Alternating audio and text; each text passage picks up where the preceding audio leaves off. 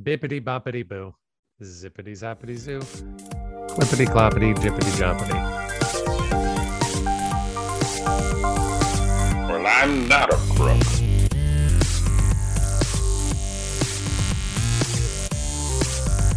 But because they are hard. Welcome to Presidential Deathmatch, the only presidential debates that matter. Today's headlines We used to be funny. Dennis learns how to answer a question. And is voter suppression misogynistic? The answer won't surprise you. Which presidential never was would have made the best president? Riley Smith moderates a Cleveland Harrison style debate because it's good to be back. All that and more on today's Presidential Deathmatch.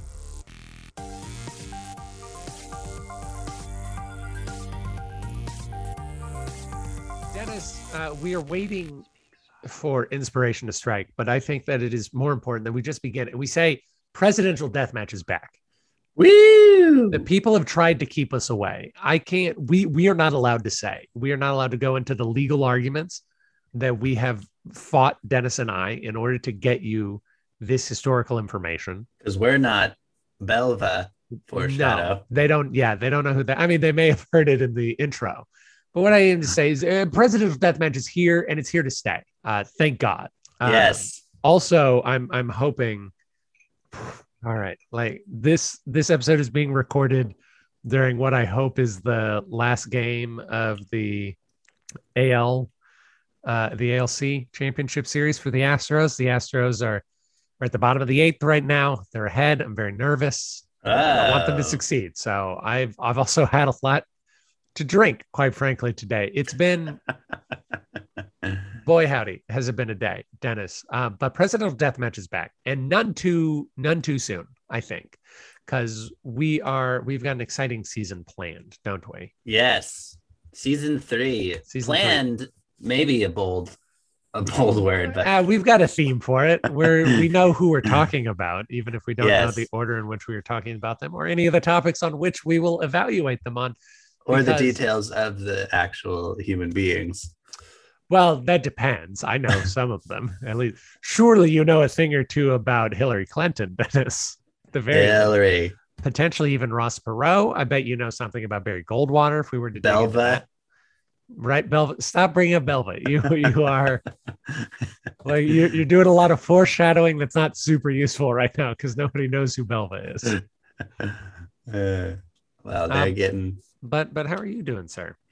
good. Speaking of games, I'm uh, headed to the Dynamo game to Sunday. Woo! Woo! Yeah, my voice is a bit thin today. That's exciting. Sunday, yes. Well, let let us you and I speak about the people, the places, the things that we're talking about today. Now we're going to talk about why we're doing season three the way we're doing it a little bit later. Once once our guest Riley Smith joins us to, to be the sort of devil's advocate to to Dennis and I's ridiculous nature of who we are as human beings. But suffice to say, for the moment, that this season you are not going to hear about the 45 men who have been president of the United States. Instead, you are going to hear about the 100 plus people who have attempted to become president of the United States and failed, some of them in a miserable fashion.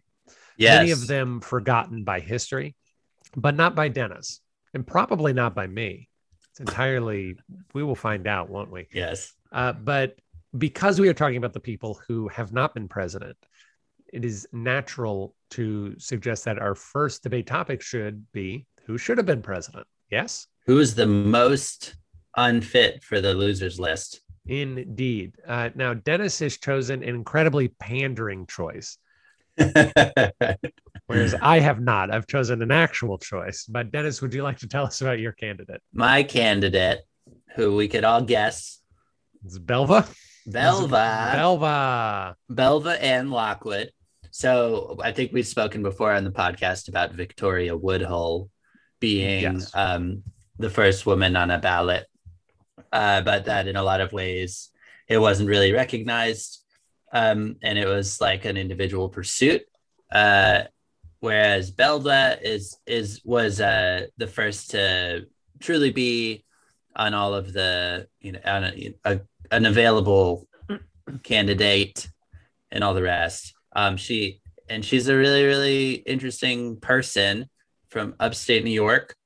Oh, She oh. yes, kind of western upstate New York though. So, but uh, she she was doing the traditional thing, but became a widow just at the at just at 85 at 25 years of age. Sorry, not 85. Yeah, 85 would be pretty normal. um, and so she and she had a daughter, so she realized that she was going to have to do something. So she went to Syracuse, uh, at which at the time had a different name, um, but she had to basically convince them to let her go. Uh, and then she got really interested in law while she was there, and felt that the most happening hip hop and place to do law study would be DC. So she moved to DC Dennis, to go to I'm sorry to interrupt you. This is where I'm going to remind you that we have scheduled about a minute for these biographies. Yeah. Okay. Well, basically, she fought her way through there, and I could talk more about it later, but ended up becoming very important lawyer uh, on the national scene for women's rights and in the work environment, but also very involved with suffrage, and then ran for president for the Equal Rights Party uh, against Gro- the one that Grover Cleveland won the first time in 1884, mm. and then against Grover Cleveland again in the one that he lost in 1888. Uh, that is Belva and Belva. Lockwood. I am talking today about Horace Greeley. And uh, Horace Greeley is not merely a Captain Planet villain. He is a human being who was quite famous in his day. He uh, he ran for president in 1878, 18, no, sorry, that Close. is wrong, 1872. yeah, 1872 against Ulysses S. Grant. He, he ran against him in Ulysses S. Grant's reelection campaign.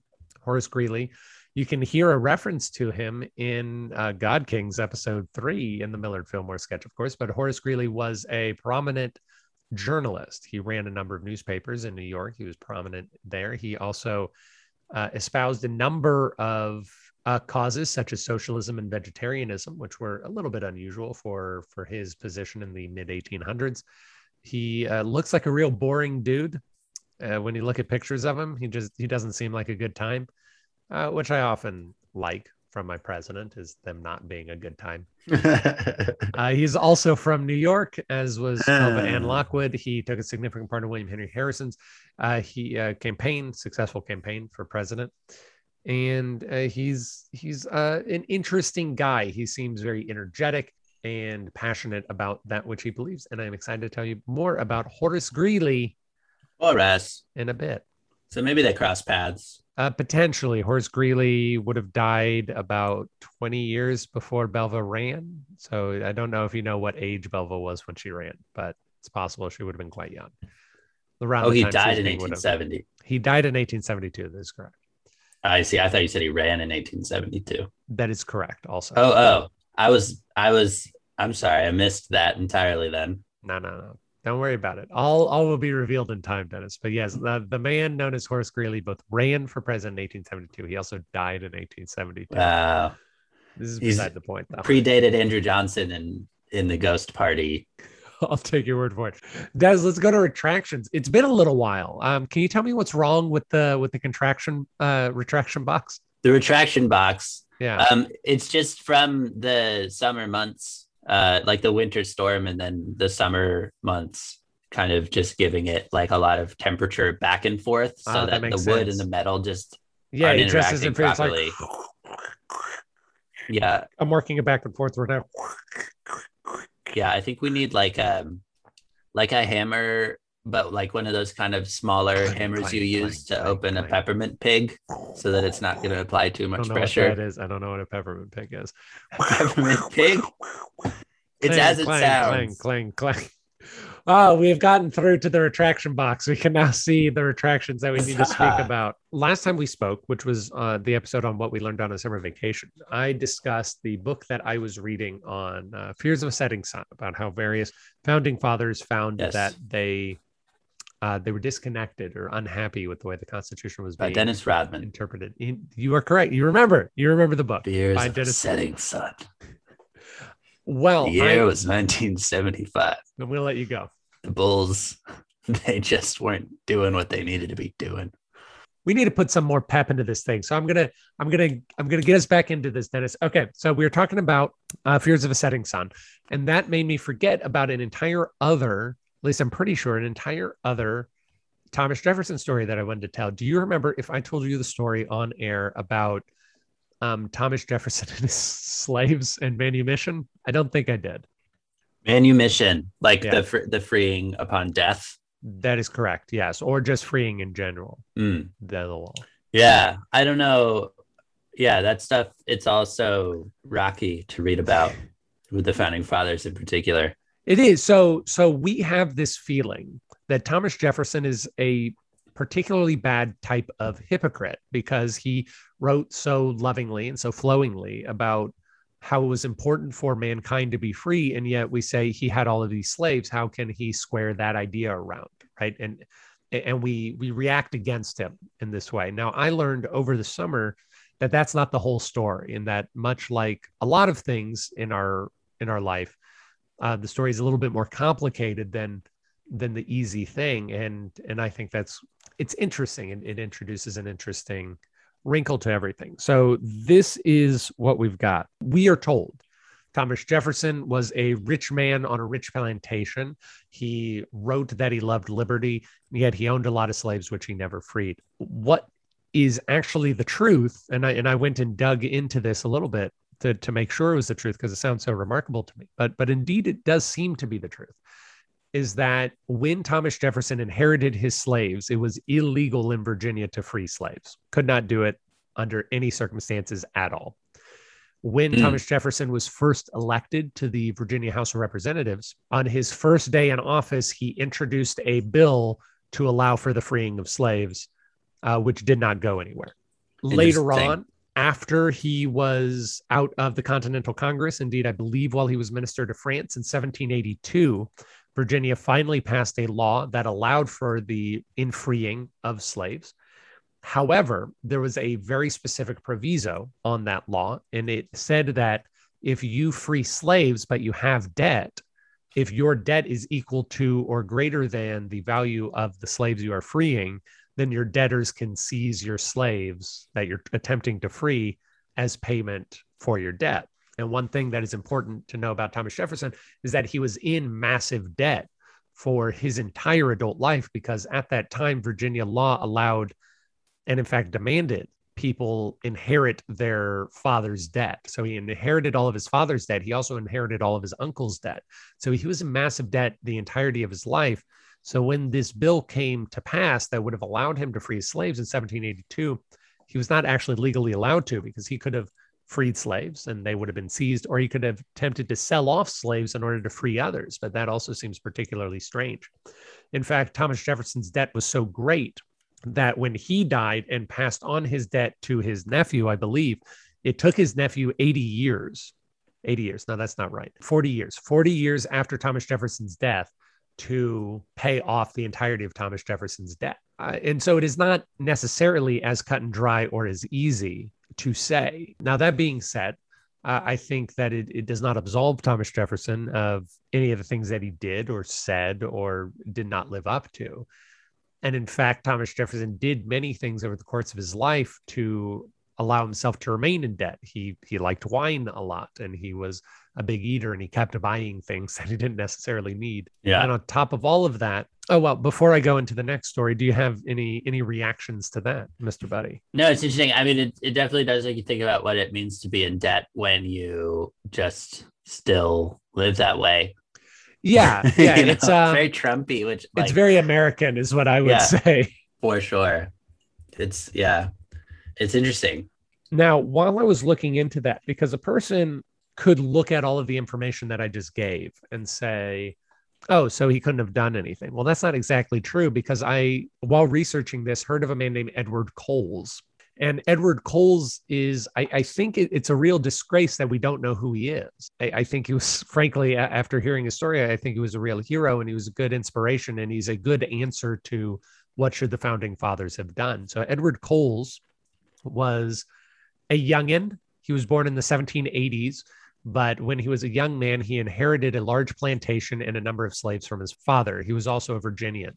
He knew Thomas Jefferson personally, he knew James Monroe, and he knew James Madison personally as well. Before we continue any further into the story, I will say we are joined now by Riley Smith, our friend Uh, and Hello, I'm sorry. It is all right. Uh, hello. Am I still your friend? you are still my friend. Yay. What could you do to rob your friendship from me exists, but I don't know what it is. okay, that's good to know. Yeah, I couldn't tell you, uh, but I firmly believe that all things are possible. So I know I'm not. Well, I like nebulous, uncommunicated boundaries. Yeah, that really those helps. are very healthy. relationships. Riley, do you know who Edward Coles is? I do not. right. Well, we're telling his story right now. Ed- Edward Coles, he inherited a number of slaves uh, from his father back in Virginia. This is not recent. This was back in the uh, early Cool. 1800s. Little context. Yeah. History podcast.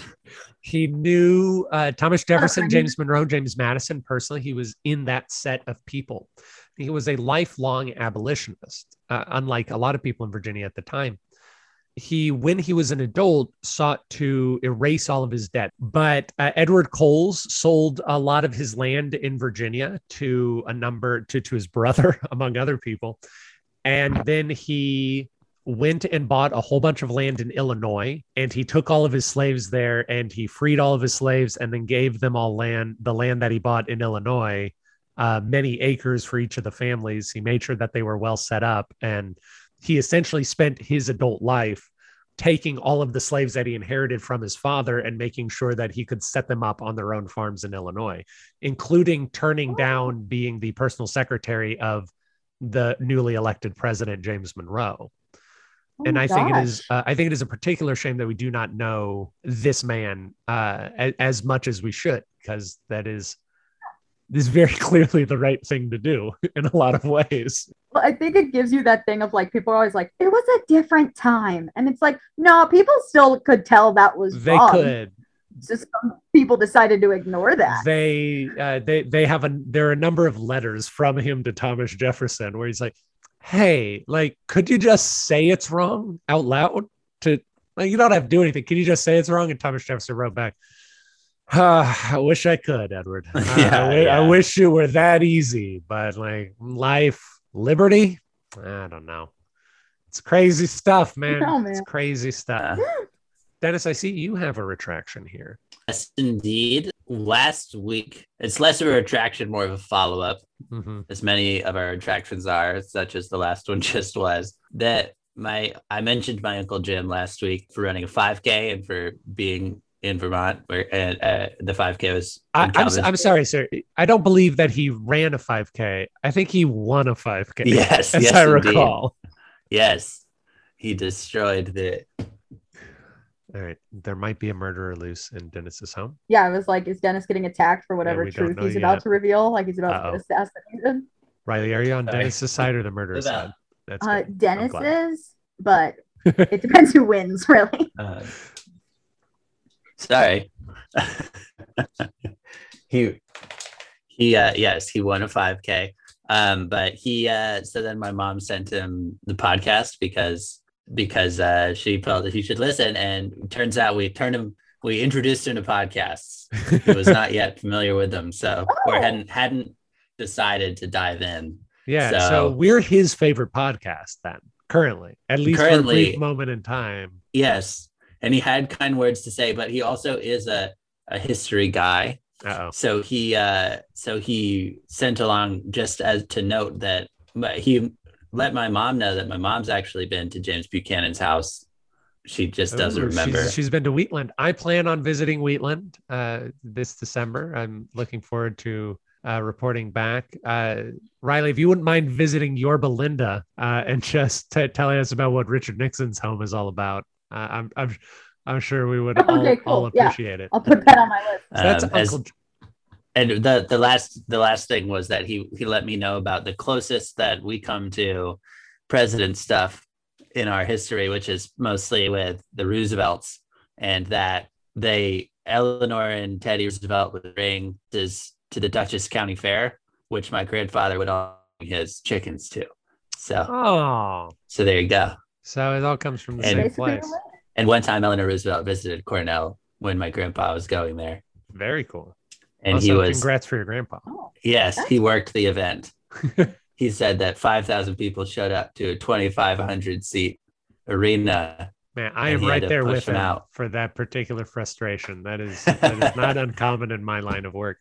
Well, Uncle Jim, we hope that you continue to enjoy listening to Presidential Deathmatch, the only name in podcasts, as far as you know. You guys are my favorite podcast, Yeah. and also Nice. the only one that I ever. Thank listen to. you. I, I appreciate that y'all have a topic, and you're not just like my friends think I'm funny, so I'm gonna talk with my friends. That's why I've got Yeah. to back myself up with history. Yeah. So it wasn't a like This, it wasn't a this- choice. Yeah, this is what it I got to work with. A lack of Yeah. confidence You're gonna need to bring own sense of something to the table because otherwise Okay. I got nothing. So I'm very much in a in a phase of I used to be funny. That's my that's that's the what I'm going with. Oh, no. now. It's my kind of that is day to day. is, Dan, I don't want to scare you. Uh, that's the second step to becoming a conservative talk radio host. Is used to being funny. So I, I encourage you to find being funny again. Happening. I Uh, think thank it's you. important for your well-being. I appreciate that encouragement. Uh, the the final retraction that we have planned is uh, Riley. You may or may not know if you are indeed an avid listener to the podcast, as you say you are, that we, have tracked over the year that we've been existent.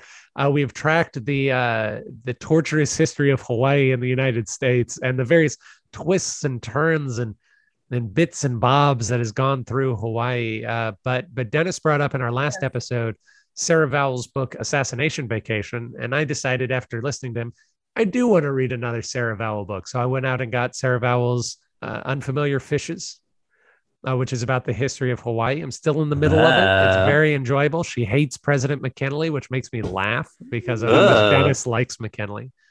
Nice. Interesting. But it is uh, it is a fantastic book. I am looking forward to what Grover when Grover Cleveland appears in the story and, and how Sarah Vowell feels about uh, Mr. Grovicle. But I highly recommend Unfamiliar Fishes by Sarah Vowell. Cool. I'm putting that on my Goodreads. Yeah. I was just today when I was learning about women's suffrage, that one interesting fact on the women's suffrage Wikipedia was that Hawaii is a place where it was it was rescinded for decades and then again given. well, you get it. Why? Why? Why Hawaii though? Because no one was paying attention. Like what? Well, it'll be interesting because uh, suffrage didn't exist in Hawaii for a very long time because it was a, a dictatorship, it was a monarchy. Oh, right. Just and then presumably it became a republic uh, for 10 Right. years following benjamin harrison's illegal Mhm. overthrow of hawaii and uh, it's possible that women had the right to vote but then when hawaii no longer became a, a country and was instead a territory of the united states uh, that that perhaps then women no longer were able to vote because you did not have elections this is all me just thinking through it out loud. Uh, I honestly don't know the answer to it. I hope it's that and not just like Yeah, a bunch of dudes that being sounds like, nah. just as likely, I think, as as this is. Whoa, whoa, whoa! Like, never whoa. Uh, mind. Uh, anyway, Riley, we are at the end of retractions. Would you mind closing the retraction box? Yeah, could you just close the retraction box for me? Closing the retraction box. Don't Oh wow, it closed a lot easier than it opened this this time around. Oh. Oh boy. Well, Riley, uh, our my co-host Dennis has disappeared, and as He's been the murdered. yeah, oh my god, you're right, he has been murdered. Well, I guess we were always on the side of the murderer, weren't we? Yeah. I mean, like I said, whoever wins. Yeah, I'm Like- usually on the side of whoever loses, just because. Yeah, I, know. thank you. It's a very clear character trait about you, Aaron. Yeah, that is accurate. You're not even like an underdog guy. You're a lost cause guy. Lost Cause guy, which is perfect for this hmm. season of presidential deathmatch because we are talking about people who never won the presidency, despite how many times they attempted to get it. These poor, poor souls like John Jay. What's he doing with his life? First Supreme Court Chief Justice. Wow. That's what I say. Is John Jay one of the guys who didn't write as many essays as Hamilton? He That's is. yeah, that's how I know him. Yeah, he was the most famous one at the time. Really? he was real star power. Like if uh in the same way that like Mint is owned by Ryan Reynolds and they really tried to push that, that was John Jay and the Federalist Papers. They're like, oh, John Jay's behind this. Publius. I hear Publius is John Jay. I don't know. Get that star power. Indeed. Yeah, Uh, I'm definitely a winning team kind of person. Like in that, uh, uh, like I was watching this uh, the, um, TV show with my grandmother about like all the different religious shifts during the Reformation in England, and like all these people who were getting like executed, etc. And I'm like, I would pray to whoever in whatever way you wanted if it meant I didn't get killed. This is an easy question for me. Like I'd be like, oh, we're doing mass this week. Okay, reminding me, it's in Latin. No, we changed it. Okay, whatever you want, just give me the book. I'll do it. O'Reilly, stick to her convictions, Smith, over here. I have some convictions, but things like that, I would just, I would just be on board. Would like I don't want to be burnt at the stake. That would hurt. That's true. Now, if someone said that they were going to burn you at the stake if you didn't announce that women's suffrage was a bad idea, would you do that, or is that one of your convictions? Wait, if I didn't announce, like okay, if, so yeah so they say either you can say i've got a tiny little lady brain and i shouldn't be trusted with voting or they're going to murder you which one will you do how public does that have to be? very public Oh Christ. at Okay, the like- same time though um, they're going to put you up like every single day to do the same performance so it is a performance opportunity for you That's a good point. You're really making this tempting yeah, on one it's, side. it's a challenging one Okay, but and they'll definitely kill me. Like the, I can't for overpower sure them. no no kill you no you cannot overpower them i know you are Very rude, Aaron.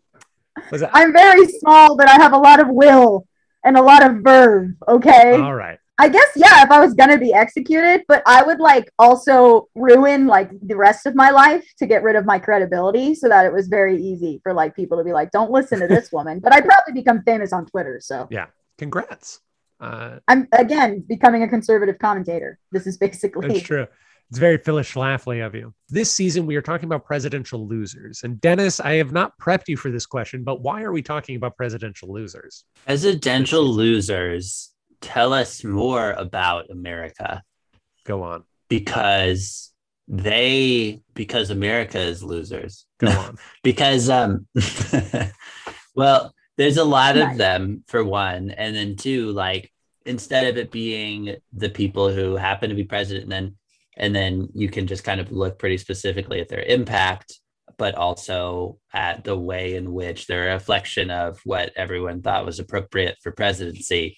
You can look a little bit more at the undercurrents and the things that wanted to be rising to the top or the um the, the conversations that were going on but that weren't the majority conversations. So i think in that way it gives you a little bit more of a sense.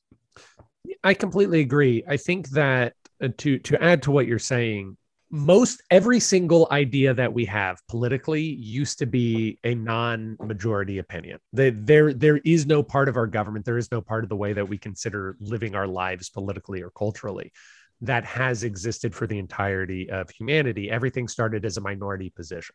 And so you, and and over time people were able to gain support for that position. And this is especially true in American politics, especially after the Reconstruction era, where you solidified that there's a Republican Party and a Democratic Party.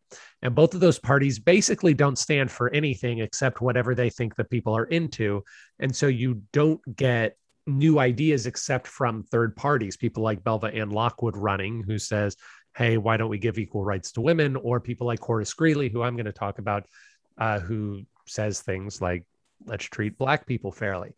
Those sorts of radical, crazy ideas need to come from outside of the main power structure and then brought into it. And then the simultaneous thing is we- we're looking at the people America said no to. They are almost always saying no to somebody. Only three of our elections, presidential elections, did not have a significant counter candidate.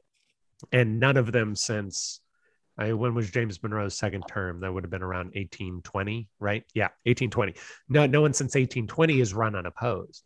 And so there has always been a, a- an ideology that America is picking between, and it's interesting to see who those people are. Now, as it turns out, a lot of those people are kind of boring, and that's why they weren't elected, is they were just kind of boring.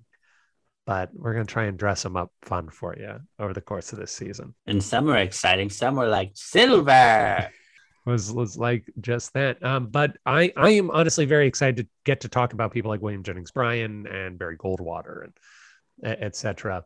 And etc. Belva. I'm not super thrilled to talk about Belva, honestly, but maybe I'll change my mind. I would like definitely to learn more about Barry Goldwater because he's like a really big deal in Arizona still. Like they mention him in schools, but they don't actually teach you anything about him.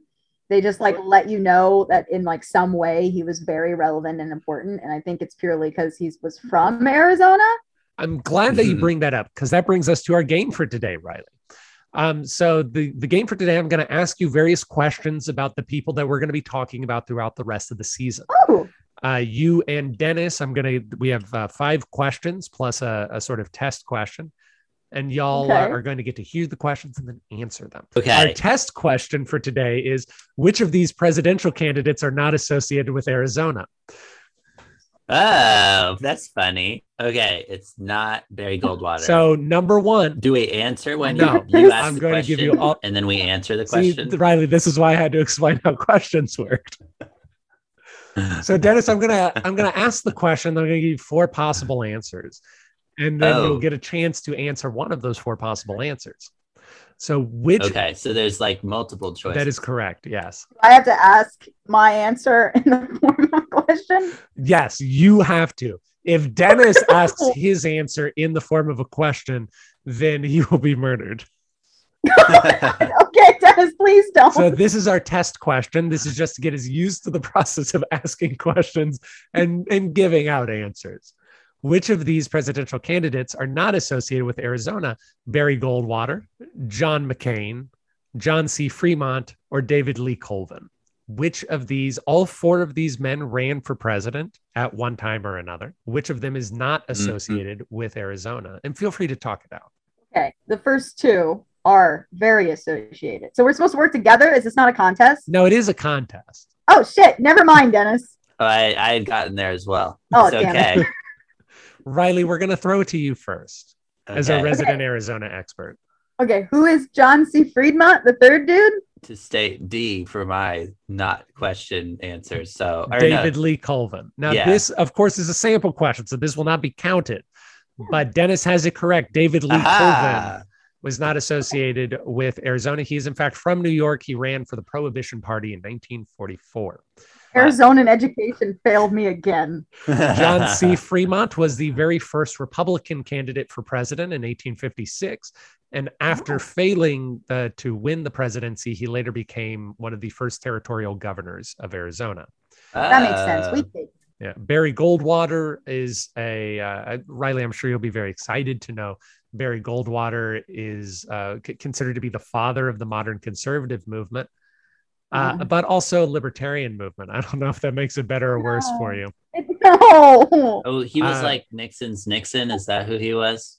No, I would not describe him as such, uh, unless you have a very one-dimensional idea of political ideology. Was it? Is, was he associated with a different president? He was Reagan before Reagan. Oh, that's But what it he- is. He was Reagan's Reagan. Yeah. Yeah, he was Reagan's Reagan. And then John McCain, of course, was a longtime senator from Arizona. Uh, took Barry Goldwater's seat. All right. So here are our five questions. Okay, Dennis- I'm ready now. Now I get it. Riley and Dennis. Dennis will answer first. Which election had the fewest amount of third party votes? Mm. Was it Grant versus Seymour in 1868? Big Willie Taft versus Sadman Jennings Bryan in 1908? Or Mm. Biden versus Trump in 2020? Which Oh, wow. election of those three had the fewest number of third party votes? I'm gonna guess the first one. Grant Seymour, 1868. Yes. Any particular reason why? My thinking is that I Oh, wouldn't. uh, think sorry, he- sorry. I should also say, uh, because this is important, this is by percentage, not by total number of votes. So by percentage, because obviously the population in 1868 would be much lower than the population in 2020. Makes such a big difference for my answer. Um, Definitely know the hard numbers and the percentages. That's really yeah, glad you you were clarified. thinking aggregate. Now you got to switch to statistical. It's an entirely different thing. indeed. Should Riley guess first, or should I explain? No, you should. thinking? You should explain. Okay. My thinking is that I don't know, 1868 when he was the first time he was elected, maybe I'm not sure, but Second he time. Oh no, yes, time. first time.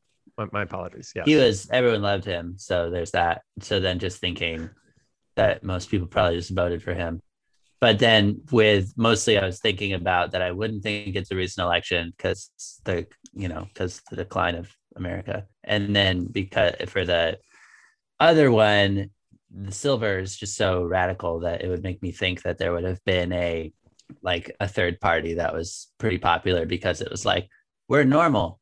I think I don't think silver was that big of an issue in 1908. By the time we got around to there, it was, it was a bigger issue in 1956. But Dennis has said Grant Seymour, 1868. Riley, what say you? Oh, was it not the silver? I thought you. I thought it was. Uh, I thought it. I must have. Uh, no, this was trust busting.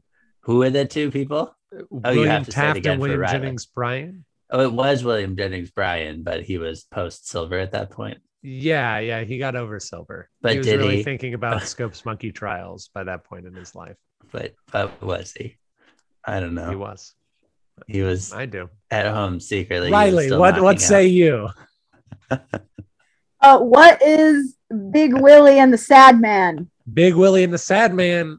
Yeah, because they have such great names that clearly they were big personalities and drew in all dem votes. That makes sense. They did indeed get quite a lot of votes, Wow. 94% of the vote, but not enough to be lower Hey. than Grant Seymour 1868. Ah! So the Grant Seymour election of 1868 is the election with the fewest number of third party votes on record over the entirety of the United States. 46 people did not vote for either Ulysses S. Grant or Horatio Seymour. It was less than one ten thousandth of a percent. It was an incredibly vanishingly small number. That is compared to 1908's 5.38% that did not vote for either Taft or Bryan, and 2020's 1.86% that did not vote for either Biden or Trump. The election with the most third party votes is the election of 1912, with 34.9% of votes going to third parties. I just figured it wasn't the third one because, and I had just because so many uh, liberals bitched on Twitter at like people who were voting for third party. But they would do was that like, anyway. There's got to be a lot of people, right? Strictly speaking, no. Seven. Uh, all right, we're Riley. You're going to answer first on this one. okay. Which of these major presidential candidates was not a convicted criminal? Ooh, fun. Is it Howie Hawkins, Eugene V. Debs, or John C. Fremont? Da-da-da. We've heard. Ooh. What was the second guy's name? Second guy's name was Eugene versus Debs. Okay, I'm gonna go Eugene versus All right, Debs. Eugene versus, why Eugene versus Debs? so because the first guy, that sounds like a criminal name. Howie Hawkins. yeah, Howie Hawkins. Like what? Like that's a hundred percent from like a pulp novel. Like I had to go and talk to Howie Hawkins and figure out what happened the Oh, last boy. Tuesday at the speakeasy. You know, like that. That These guy is up to something. And I didn't pick the third guy because he kind of grinned when you said his name. John C. Fremont, the territorial Yeah. governor of Arizona. Yes. And I, I'm mad about I'm mad at him now because he made me get that question wrong. But I guess that would make him more of a criminal. But I think it's the second dude. All right, you think it's Eugene versus Debs? So the middle name is versus. No, it's not. It's just when when I was uh, an idiot a teenager in school and I kept reading Eugene V. Debs, I kept thinking it was standing for verses, and I was wondering why this court case kept showing up everywhere of Eugene V. Debs. I assume his name is probably Victor. I will It's look it up because he got now. It, it is indeed Victor, it's Eugene not Victor because- Debs. You're like, how is this court case running for president? That is literally what I thought. Is like I don't he was convicted and then he won the case and then he was so excited about winning the case Then he Yes. renamed he himself, renamed himself to the name of the case yes. which is bold because that means he renamed himself He murdered, after yeah, the person which he is- defeated. yeah Oh, he murdered took him. his name Oh boy, honey. I took your money. Yeah. I took your life. I'm taking your name. Well, Dennis Riley says Eugene Victor Debs was not a convicted criminal. How about yourself? i think he was All right, so- then who do you think wasn't a criminal? the first one Howie Hawkins. howie hawkins All right, Hey, who do you think Howie Hawkins was then? howie hawkins uh ran for president True. nailed it. Well done. Yeah to make a better name for all the people out there who aren't actually part of the mafia even though it seems like they would be Well, Is I it short for Howard? it is short for Howard. I, I, Okay, I- but like he goes by Howie. It- That's a choice. yes, yes. Howie, Howie is how he appeared on the ballot. just like how your real name is rylard Right. Yeah. But I go by Riley to appear more Yes, gangster, as it were. exactly. Indeed. That's what I thought when I first met you. I said, mm, that person doesn't look gangster, but with a name like Riley, moderately, moderately gangster. Well, I'm gonna let's make a deal. This John C. Fremont, not not a convicted criminal. John C. Fremont was a convicted criminal. He was court-martialed with a later commutation by President James K. Polk for a very complicated military governorship of California issue. Before he was the uh, territorial governor of Arizona, he was the military governor of California. And then a thing happened where somebody was supposed to take over from him, but he didn't really believe that that person was supposed to take over. So he refused to give up power in California. Uh, and then he was court martialed for insubordination uh, and treason. Uh, and then uh, he was found guilty, but that was commuted. Uh, John C. Fremont is a convicted criminal, Hmm. which means either Howie Hawkins or Eugene V. Debs is not a Oh convicted my criminal. gosh. And the answer is Down to the wire. Howie Hawkins is not a convicted criminal. Howie Hawkins, in fact, ran for president in what year do you? He ran for the Green Party. Riley, what year do you want to guess Howie Hawkins ran for president? Howie Hawkins ran for the Green Mhm. Party, 1969. That's what I was gonna guess. Nice. 1969. That's a fascinating guess. The real answer is 2020. Howie Hawkins ran Oh! for president in 2020 The Green Party been around. since 2004.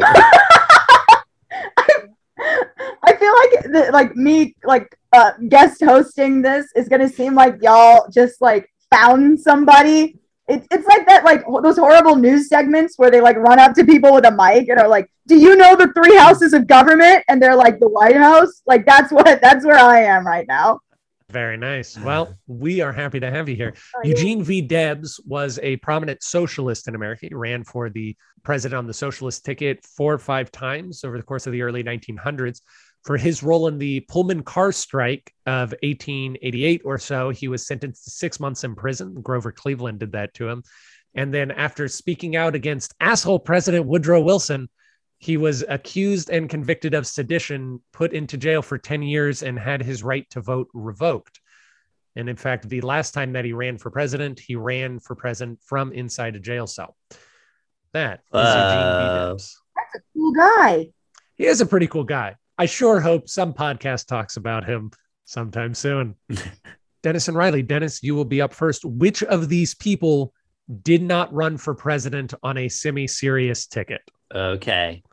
So this this is a semi-serious. uh, what? A, yeah, this person is not on our approved list of people to talk about. Basically, okay. is it Benjamin Spock, the author of Dr. Spock's Baby and Child Care and first studier of psychoanalysis for children on the People's Party ticket? Is it Roseanne Barr, disgraced actress who ran on the Peace and Freedom ticket in 2012? Or is it Byron Whizzer White, halfback for the Pittsburgh Pirates and Detroit Lions and runner up for the Heisman Trophy, who ran in 1972 as the first Libertarian Party? Interesting. The first ever Libertarian Party candidate. That is the question, yes. Interesting. I'm gonna guess Roseanne. Dennis is guessing Roseanne Barr, actress, did not run on the Peace and Freedom ticket. Riley. Okay, so the so the question is, who did not actually run on that ticket, or like they did it as a joke? Yeah, two of the three people I described did run for president on the ticket that I described. One of those three people probably never ran for president, but I don't feel confident absolutely saying that that is true. But as far as I know, the third person never ran for president.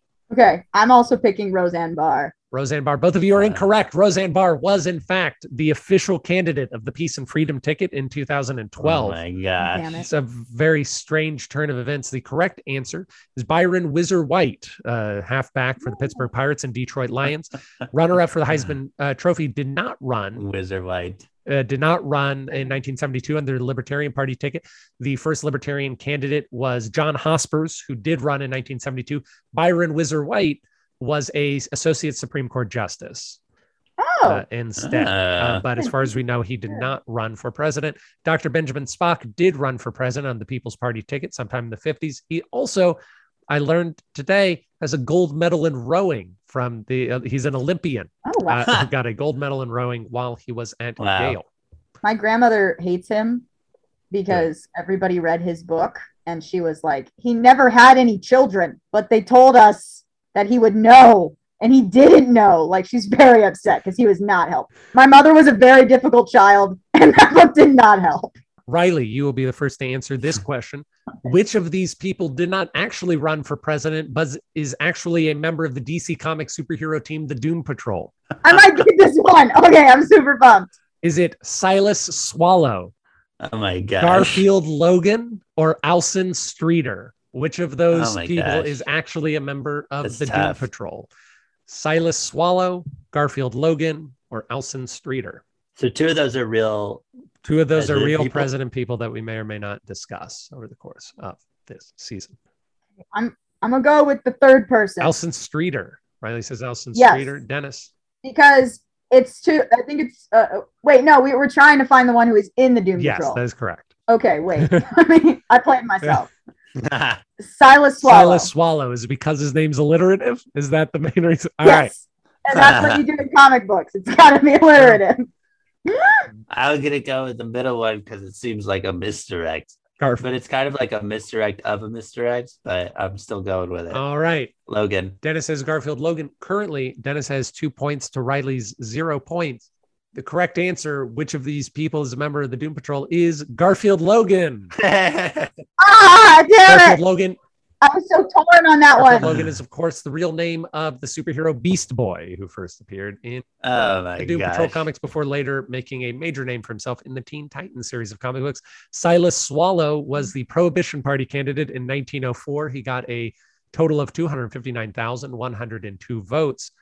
Alson Streeter was among the many parties in his life uh, was a democrat a war democrat a greenback an anti-monopoly party and also affiliated with the union labor party which is the party that elected him to be their president uh, presidential candidate he ran in 1888 finishing fourth out of six potentially above Belva. Belva. he perhaps finished above belva in that contest in 1888 Probably. I was like, I bet it's the alliteration. And then I was like, no, Aaron probably picked the alliteration to make it seem like a comic book name. And I was like, no, I got to pick one because I played myself and I played did myself again. but you are correct. Uh, this is the final question of our of our game today. Which of these Republicans did not lose to? Oh, hold on a second. I, I wrote this question a very dumb way. Which of these presidential candidates did not lose to FDR in a humiliating fashion?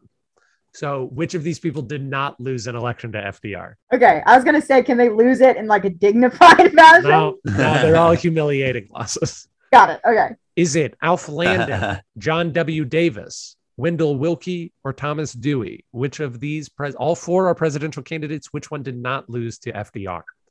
Alf Landon, John W. Davis, Hmm. Wendell Willkie, or Thomas Dewey? Hmm. all right. I I'm really not sure. I'm gonna go with Wendell. Wendell Willkie. Dennis guess Wendell Willkie. Yeah. I, I also guess Wendell Willkie. I was thinking maybe the second guy because the other three all have very silly names. But I figured we have to put in at least one normal name. Mhm. So I'm going to say Wendell. Well, yes. Now remember, all four of these people did actually run for president. Like none of these are made up names. No, I know.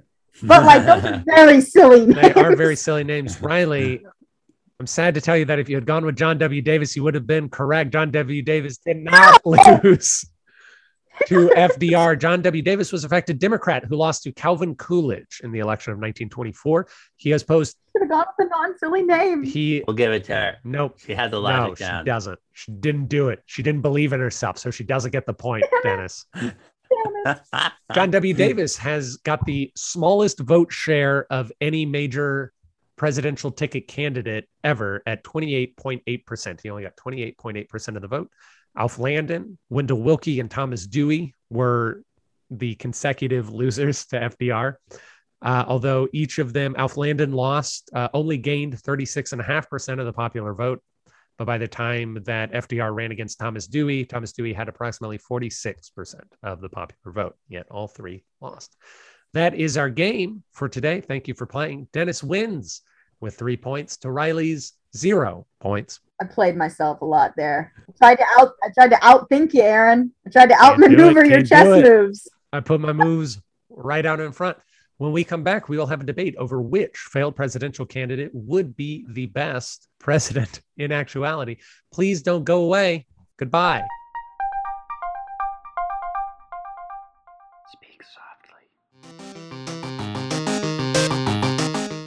Also, I didn't tell anybody, but we actually have an ad now because we have shirts on our website, pronoiatheater.com slash store. That's right. Now, instead of just doing a whoosh and then being back in the debate, you're going to have to listen to me talk about merchandise. I hope y'all are happy about it. You- Right now, you can go and buy a presidential deathmatch shirt or tank top, or you can, a lot of you keep voting for Dennis for these things. It's pretty cheap to just vote for Dennis whenever you just have to clickety click. Why don't you go and buy a t shirt saying President Chase on it? Do you really believe in Dennis's argument that much that you'll buy a t shirt for it? I doubt it. I doubt that you will. buy a President Hughes did, shirt. then that would be nice. It's Money true. all goes to the same place. Also factual. I, I think I made the President Hughes shirt slightly cheaper than the President Chase shirt to, to try and entice Uh, people to purchase it. That buddy Mandarin. It is indeed pronoiatheater.com slash store. Buy something.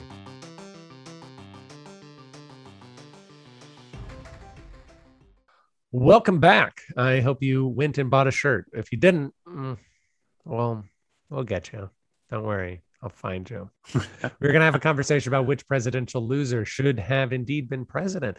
Dennis will be arguing for Belva Ann Lockwood, and I will be arguing for Horace Greeley. Dennis, when you're ready. All right. It's going to be an old style debate a little bit where I mostly just tell you the story of Belva. Belva, so yeah, as I mentioned before, she ran against Grover Cleveland Benjamin Harrison in those two elections in the National Equal Rights Party. And as she stated, she really was just doing it so that it would become a national conversation to talk about women's suffrage and equal rights uh, so that people would feel like they had to consider it. She the estimates are that there was maybe 4000 votes that she got or so but uh, she actually said that there was voter fraud and that she heard many reports of of men in the ballot places literally just tearing up ballots if they were voted for her. It feels very believable when you think when you think about it in that scenario. So it's like you know it's very possible. I think that they never really even officially counted how many votes she got. So it was never reported back to her. So that 4,000 number is an estimate. But as uh, in her, her background, like I was, I said earlier how she ended up at widow at a young age and then decided she needed to go to school and people weren't super excited to let her do that. But she just pushed until she was able to uh, go to university, then became a teacher. Um, this was up in like Syracuse and then uh, got very engaged with um with she she realized she was paid a lot less as a woman and then she started and she got very into Susan B. Anthony and then she started running a bunch of girls schools and making them way more progressive so that they were actually teaching stuff and had gym class and other things like that and then decided she was going to go to law school goes to DC because it's the center of government stuff Dennis, And, you, you uh, are out of time. So please. Ah, well, I guess I could talk more about it once we get into conversation. But just to say, she was definitely a fighter the whole time. She had to set a lot of precedents for herself um, and for women in general. And so I would have, you know, loved to see her be president and see what kind of impact that would have had because she would have made things happen. It's strictly speaking, or a lot of her stories seems to indicate that maybe she wouldn't have made things happen Why do you say that? because she didn't convince a whole lot of people to vote for her. Oh, well, yeah. I suppose that she didn't get a lot of votes with her third party, but she did make a huge impact in all of the other things that she did true. in her life. But then I think once you actually have the role, it's more about making an impact with actual people that you're interacting with and like and the teams that you're a part of. I'm here to talk to you about why Horace Greeley would be uh, the the better president instead of Ulysses S. Grant's second term, and the answer is because he died. Horace Greeley died before the uh, after the election was held, but before the results were certified. And so, if Horace Horace Greeley died, uh, which he did, and he won, all of his electoral votes would have gone to his vice presidential candidate, Benjamin Gratz Brown, and that is who I actually believe would be the better president than Ulysses S. Grant. Is Benjamin Gratz Brown the vice presidential candidate to Horace Greeley? The reason for this is that over the end of the 1800s, America faced a number of very specific problems. Those were how to incorporate Black people into equality in America, how to welcome back the Southern states into America as a whole, and what to do about massive corruption in the system. All of these problems would plague all of the presidents between Ulysses S. Grant and William McKinley because mostly nobody wanted to deal with them, except all of those were the primary things that Benjamin Gratz Brown was interested in doing. He was a lifelong abolitionist. He was a man who eh, ensured that Missouri, which was his home state, stayed in the Union instead of going to the Confederacy, which was uh, very important and very good. He is a person who believed in the equality of Black people, as far as I can tell. Uh, he certainly believed in the abolition of slavery, and he wanted he supported what was called the Freedmen's Bureau of Bills, which talked about voting rights and economic rights and things like that for Black people. And he favored civil service reform approximately 24 years before the Pendleton Civil Service Act was enacted by Chester A. Arthur. In short, I believe that if Benjamin Gratz Brown had been president, he would have solved the next 20 years of problems that America would have had. We could have then begun working on any number of other things. And that is why I believe Horace Greeley should have been elected and then died to allow Benjamin Gratz Brown to become president. I like both these people. I I ask questions now, right? You do. You ask questions. Okay. I did, like my brain did not process either of their names. All I have is Beulah and BBB, and I don't think that that's. Neither is entirely correct. I believe you're looking for Belva Lockwood. Belva. All right, Belva. let me write that down that's a fantastic name. Belva. It means beautiful view. Lovely. I love Belva. And BGB, Benjamin Gratz Brown. Benjamin, I, Benjamin Gratz? Gratz, yeah. oh, that, I think that'll help me actually. All right. okay. All right. I have I have quite I ask questions now, right? You do ask questions. Okay, I'm so excited. I took notes. I think these sound like really cool people, so I'm excited to learn more things. Okay, so Belva, tell me that what was the name of her party again? The Equal Rights, the National Equal Rights Party. Did they call it NERP? Like, did they ever refer to it? Absolutely, they did. Like, that's amazing. I feel like that just says a lot about Belva's like dignity that she was able to go up and be like, vote for NERP and like still attract respect. um, yeah, they started with NERP and then they worked back to figure out what that acronym should represent. I added vision. NERP. Yeah. Or just somebody like had a little bit of gas at the meeting and they were like, What'd you say? And they were embarrassed and they were like, I thought of a party name. Um, yes, exactly. okay, so I've been reading lately. One of the things I read recently was Women, Race and Class. Congrats. And one of the things it talks about is like uh, how, of course, the initial feminists, um, while trying to seek women's suffrage, knocked a lot of black women out of the conversation basically. And they were like we need white men to jump in so bye-bye. And i'm just wondering like if you know anything about how belva did or did not support black suffragettes or black women at that time especially when she you know started teaching and things like that. Mm-hmm. well some of what i didn't get to too much was that when she got into uh, law school, they just said actually they didn't want women coming. So then it was about a year before she got to go. And then when she graduated, they said that they still didn't think that she should get a diploma. So then they just didn't give her a diploma. So then she wrote a letter to Ulysses S. Grant, who was president, and he was like, "That seems ridiculous," and like gave her a diploma. And then she got admitted to the bar, and then she uh, she it was like constant those kind of things. And so a similar situation happened where she eventually got to the point where she convinced people to allow her to present uh, to argue cases in front of the supreme court. And then after she did that she argued that women just in general shouldn't have to deal with that battle. So then she had uh, she presented something that got signed by rutherford b. Hayes so that it wouldn't be an issue. And then she sponsored the first black man to argue in front of the supreme court so I think she was interested in national rights in general. I don't know specifically about the suffrage of Black women, though. But that, I mean, that, yeah, I think that aligns with the question that she was starting to think intersectionally. That's pretty neat. One more question about Belva. So, how easy was Belva. it to like rip up uh, votes? Like, how easy was voter fraud at this period? I think it was probably easy. I mean, because it was just, yeah, I mean, it was just the paper votes. just in boxes, so. and you could just kind of that's like yeah. just for the honor system. Like That seems so ridiculous to me. I know they Yeah. don't have like the technology to back it up, but like, That's not entirely far off from the way a lot of counties and precincts and stuff continue to do votes, and that they probably did. Yeah. have uh, because, as surprising as it seems, partisanship was much higher back then than it is now. So they they had ward bosses Right. and things to keep an eye on on things, which isn't to say that uh, corruption didn't happen. Um, but there there were probably election watchdogs and things in in the space. Um, but luckily, uh, the one thing that all election watchdogs can get behind is that uh, we don't need no women. They'd probably all be fine. Yeah. good. They all, They- they all looked at each other and went, "We Yeah, agree uh, on ah, this one, right?" Yeah. Yeah. Yeah. Finally, something we can agree across party lines.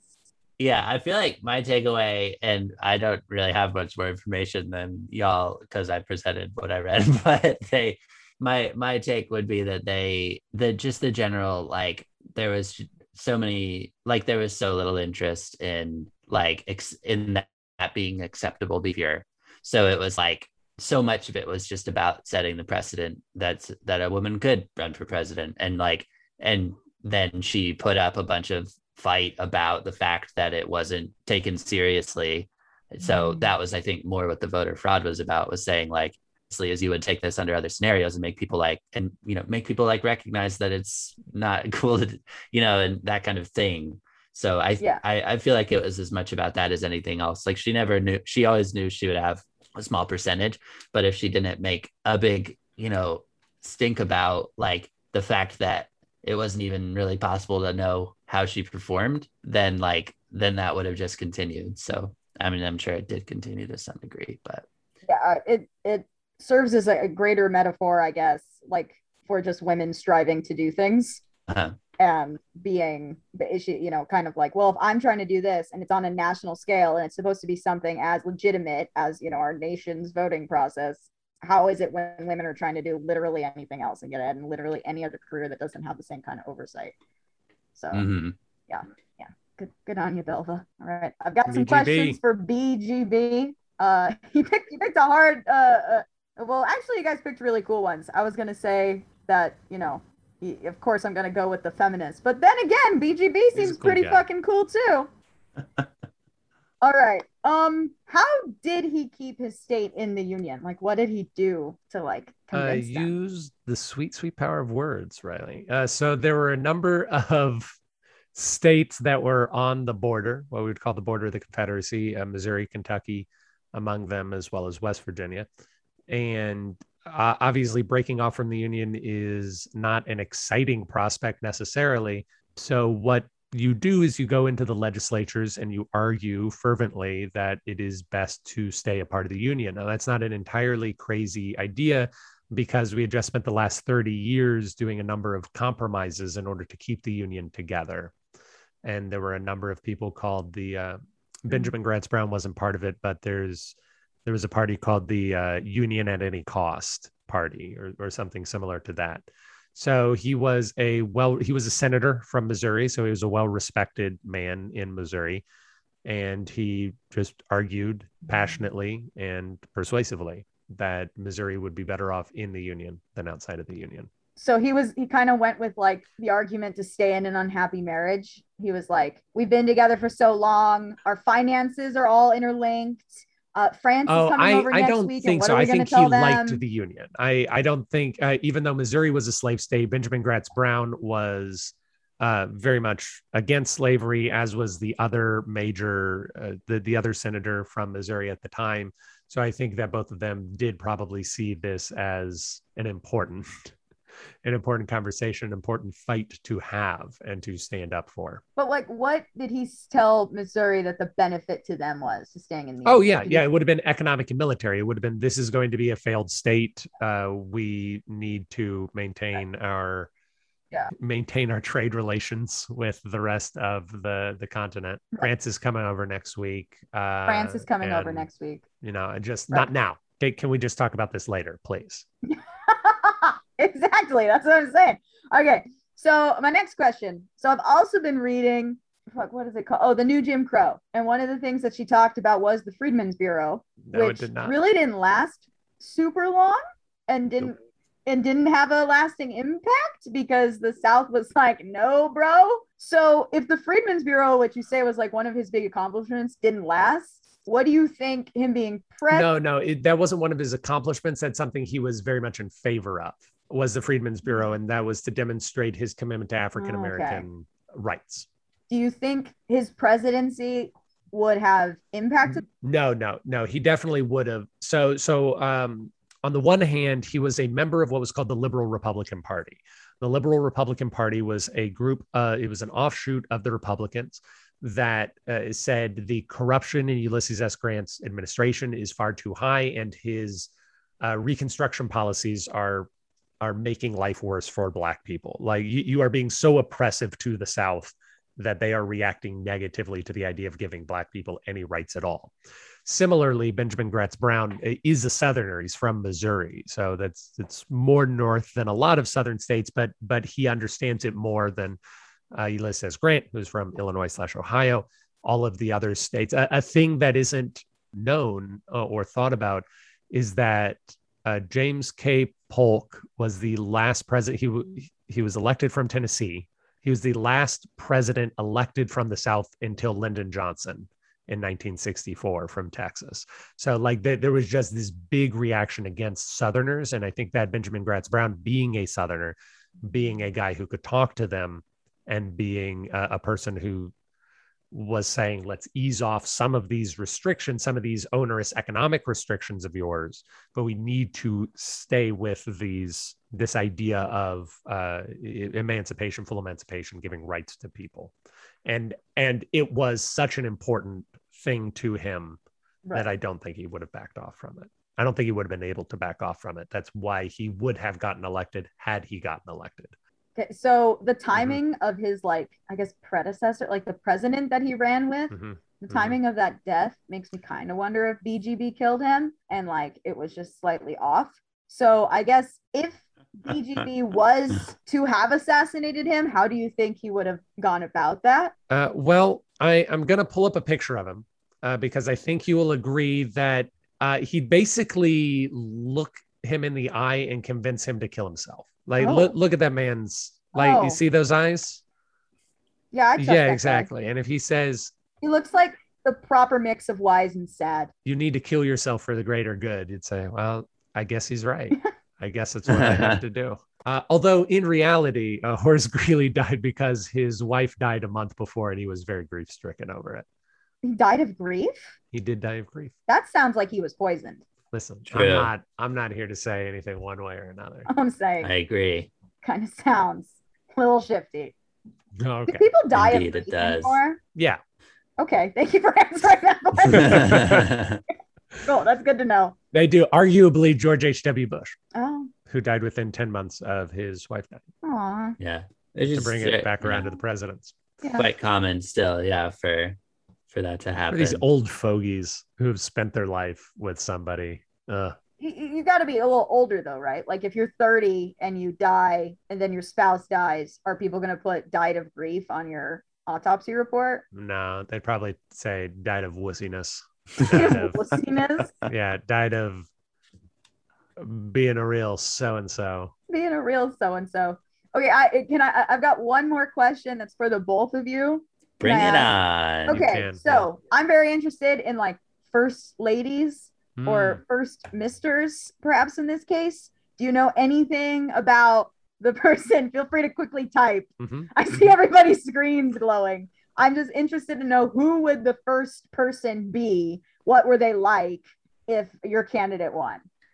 Well, uh, I don't want to answer for Dennis, but of course his candidate was a widow. So right, okay, dead, dead is the answer. Well, she she got she got remarried oh. to a dentist, um, and then he a passed dentist? away. yeah, he was dead by the time she ran.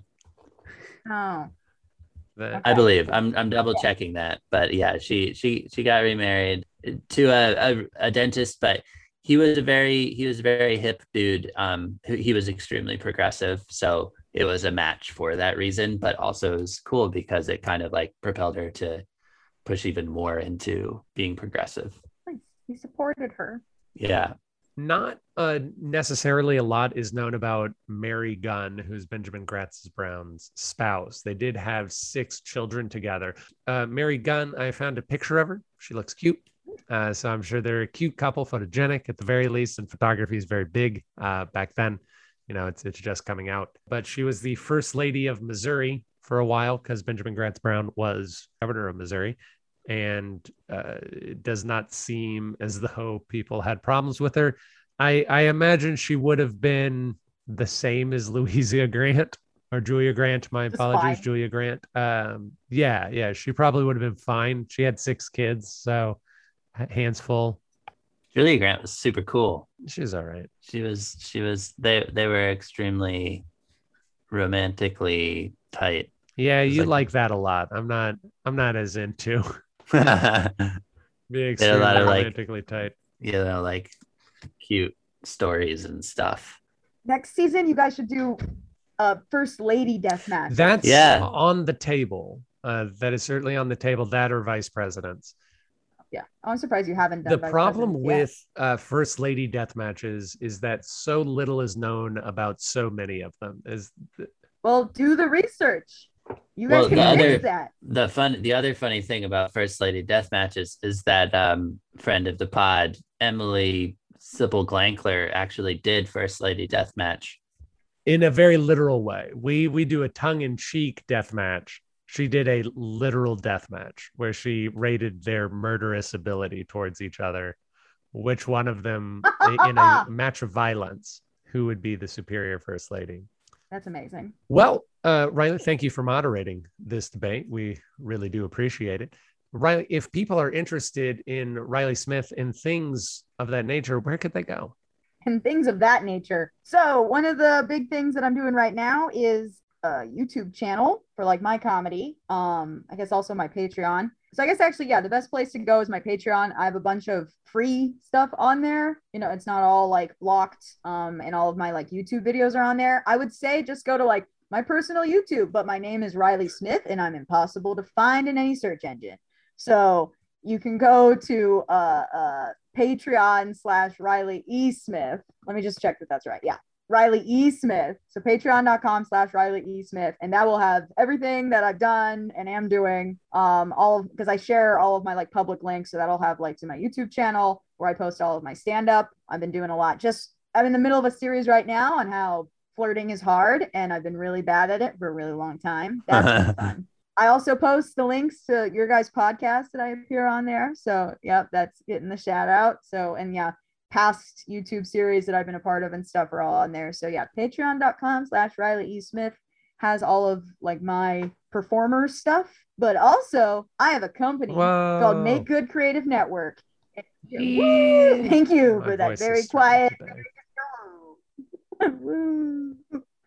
um my my goal with that is uh, to help artists creators actors whoever creative people feel more uh, confident inspired fulfilled uh, so we have a youtube channel. That one is actually searchable because the name is specific enough.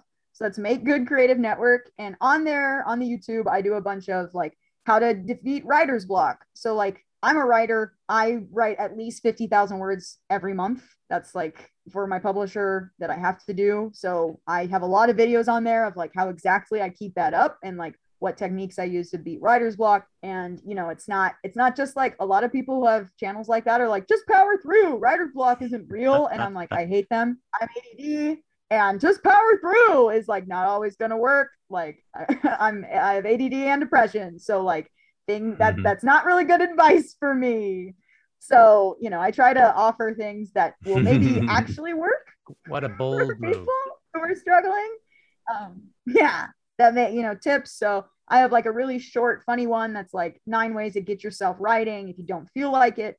I also have a lot of comedy videos on there. Hmm. Um, how to rock your first open mic because I do. I also do stand up, so we have that. And then I was telling Dennis that the number one search term that people are finding the channel by is how to be funny, and I was very flattered by that. But then the second term was how to be funny in front of girls, and I was a little more confused because that wasn't exactly my goal. But you know what? I'm happy to help. Happy to help. We just hit 5,000 views on that channel, so that's pretty exciting. People are at, like, hopefully, we're actually helping people and we've got a lot of different stuff. There's music. We just had a guest post where somebody talked about using spirituality to unblock your creativity, which was pretty cool. She's a spiritual business owner and actress out here in LA, and she did a guest video for us. So um, there's a lot of different content on there, but it's all about inspiring creativity, helping people to actually feel better and more productive without just being like, just do more, hang in there, kitten. So uh, hopefully it's helping people. well, thank you very much, everybody. Uh, we hope that you will stick with Presidential Deathmatch for season three and all of our exciting things. Please vote for the winner of today's debate, either Belva Ann Lockwood or Horace Greeley by way of Benjamin Gratz Brown. Ah. And we will see you all next week.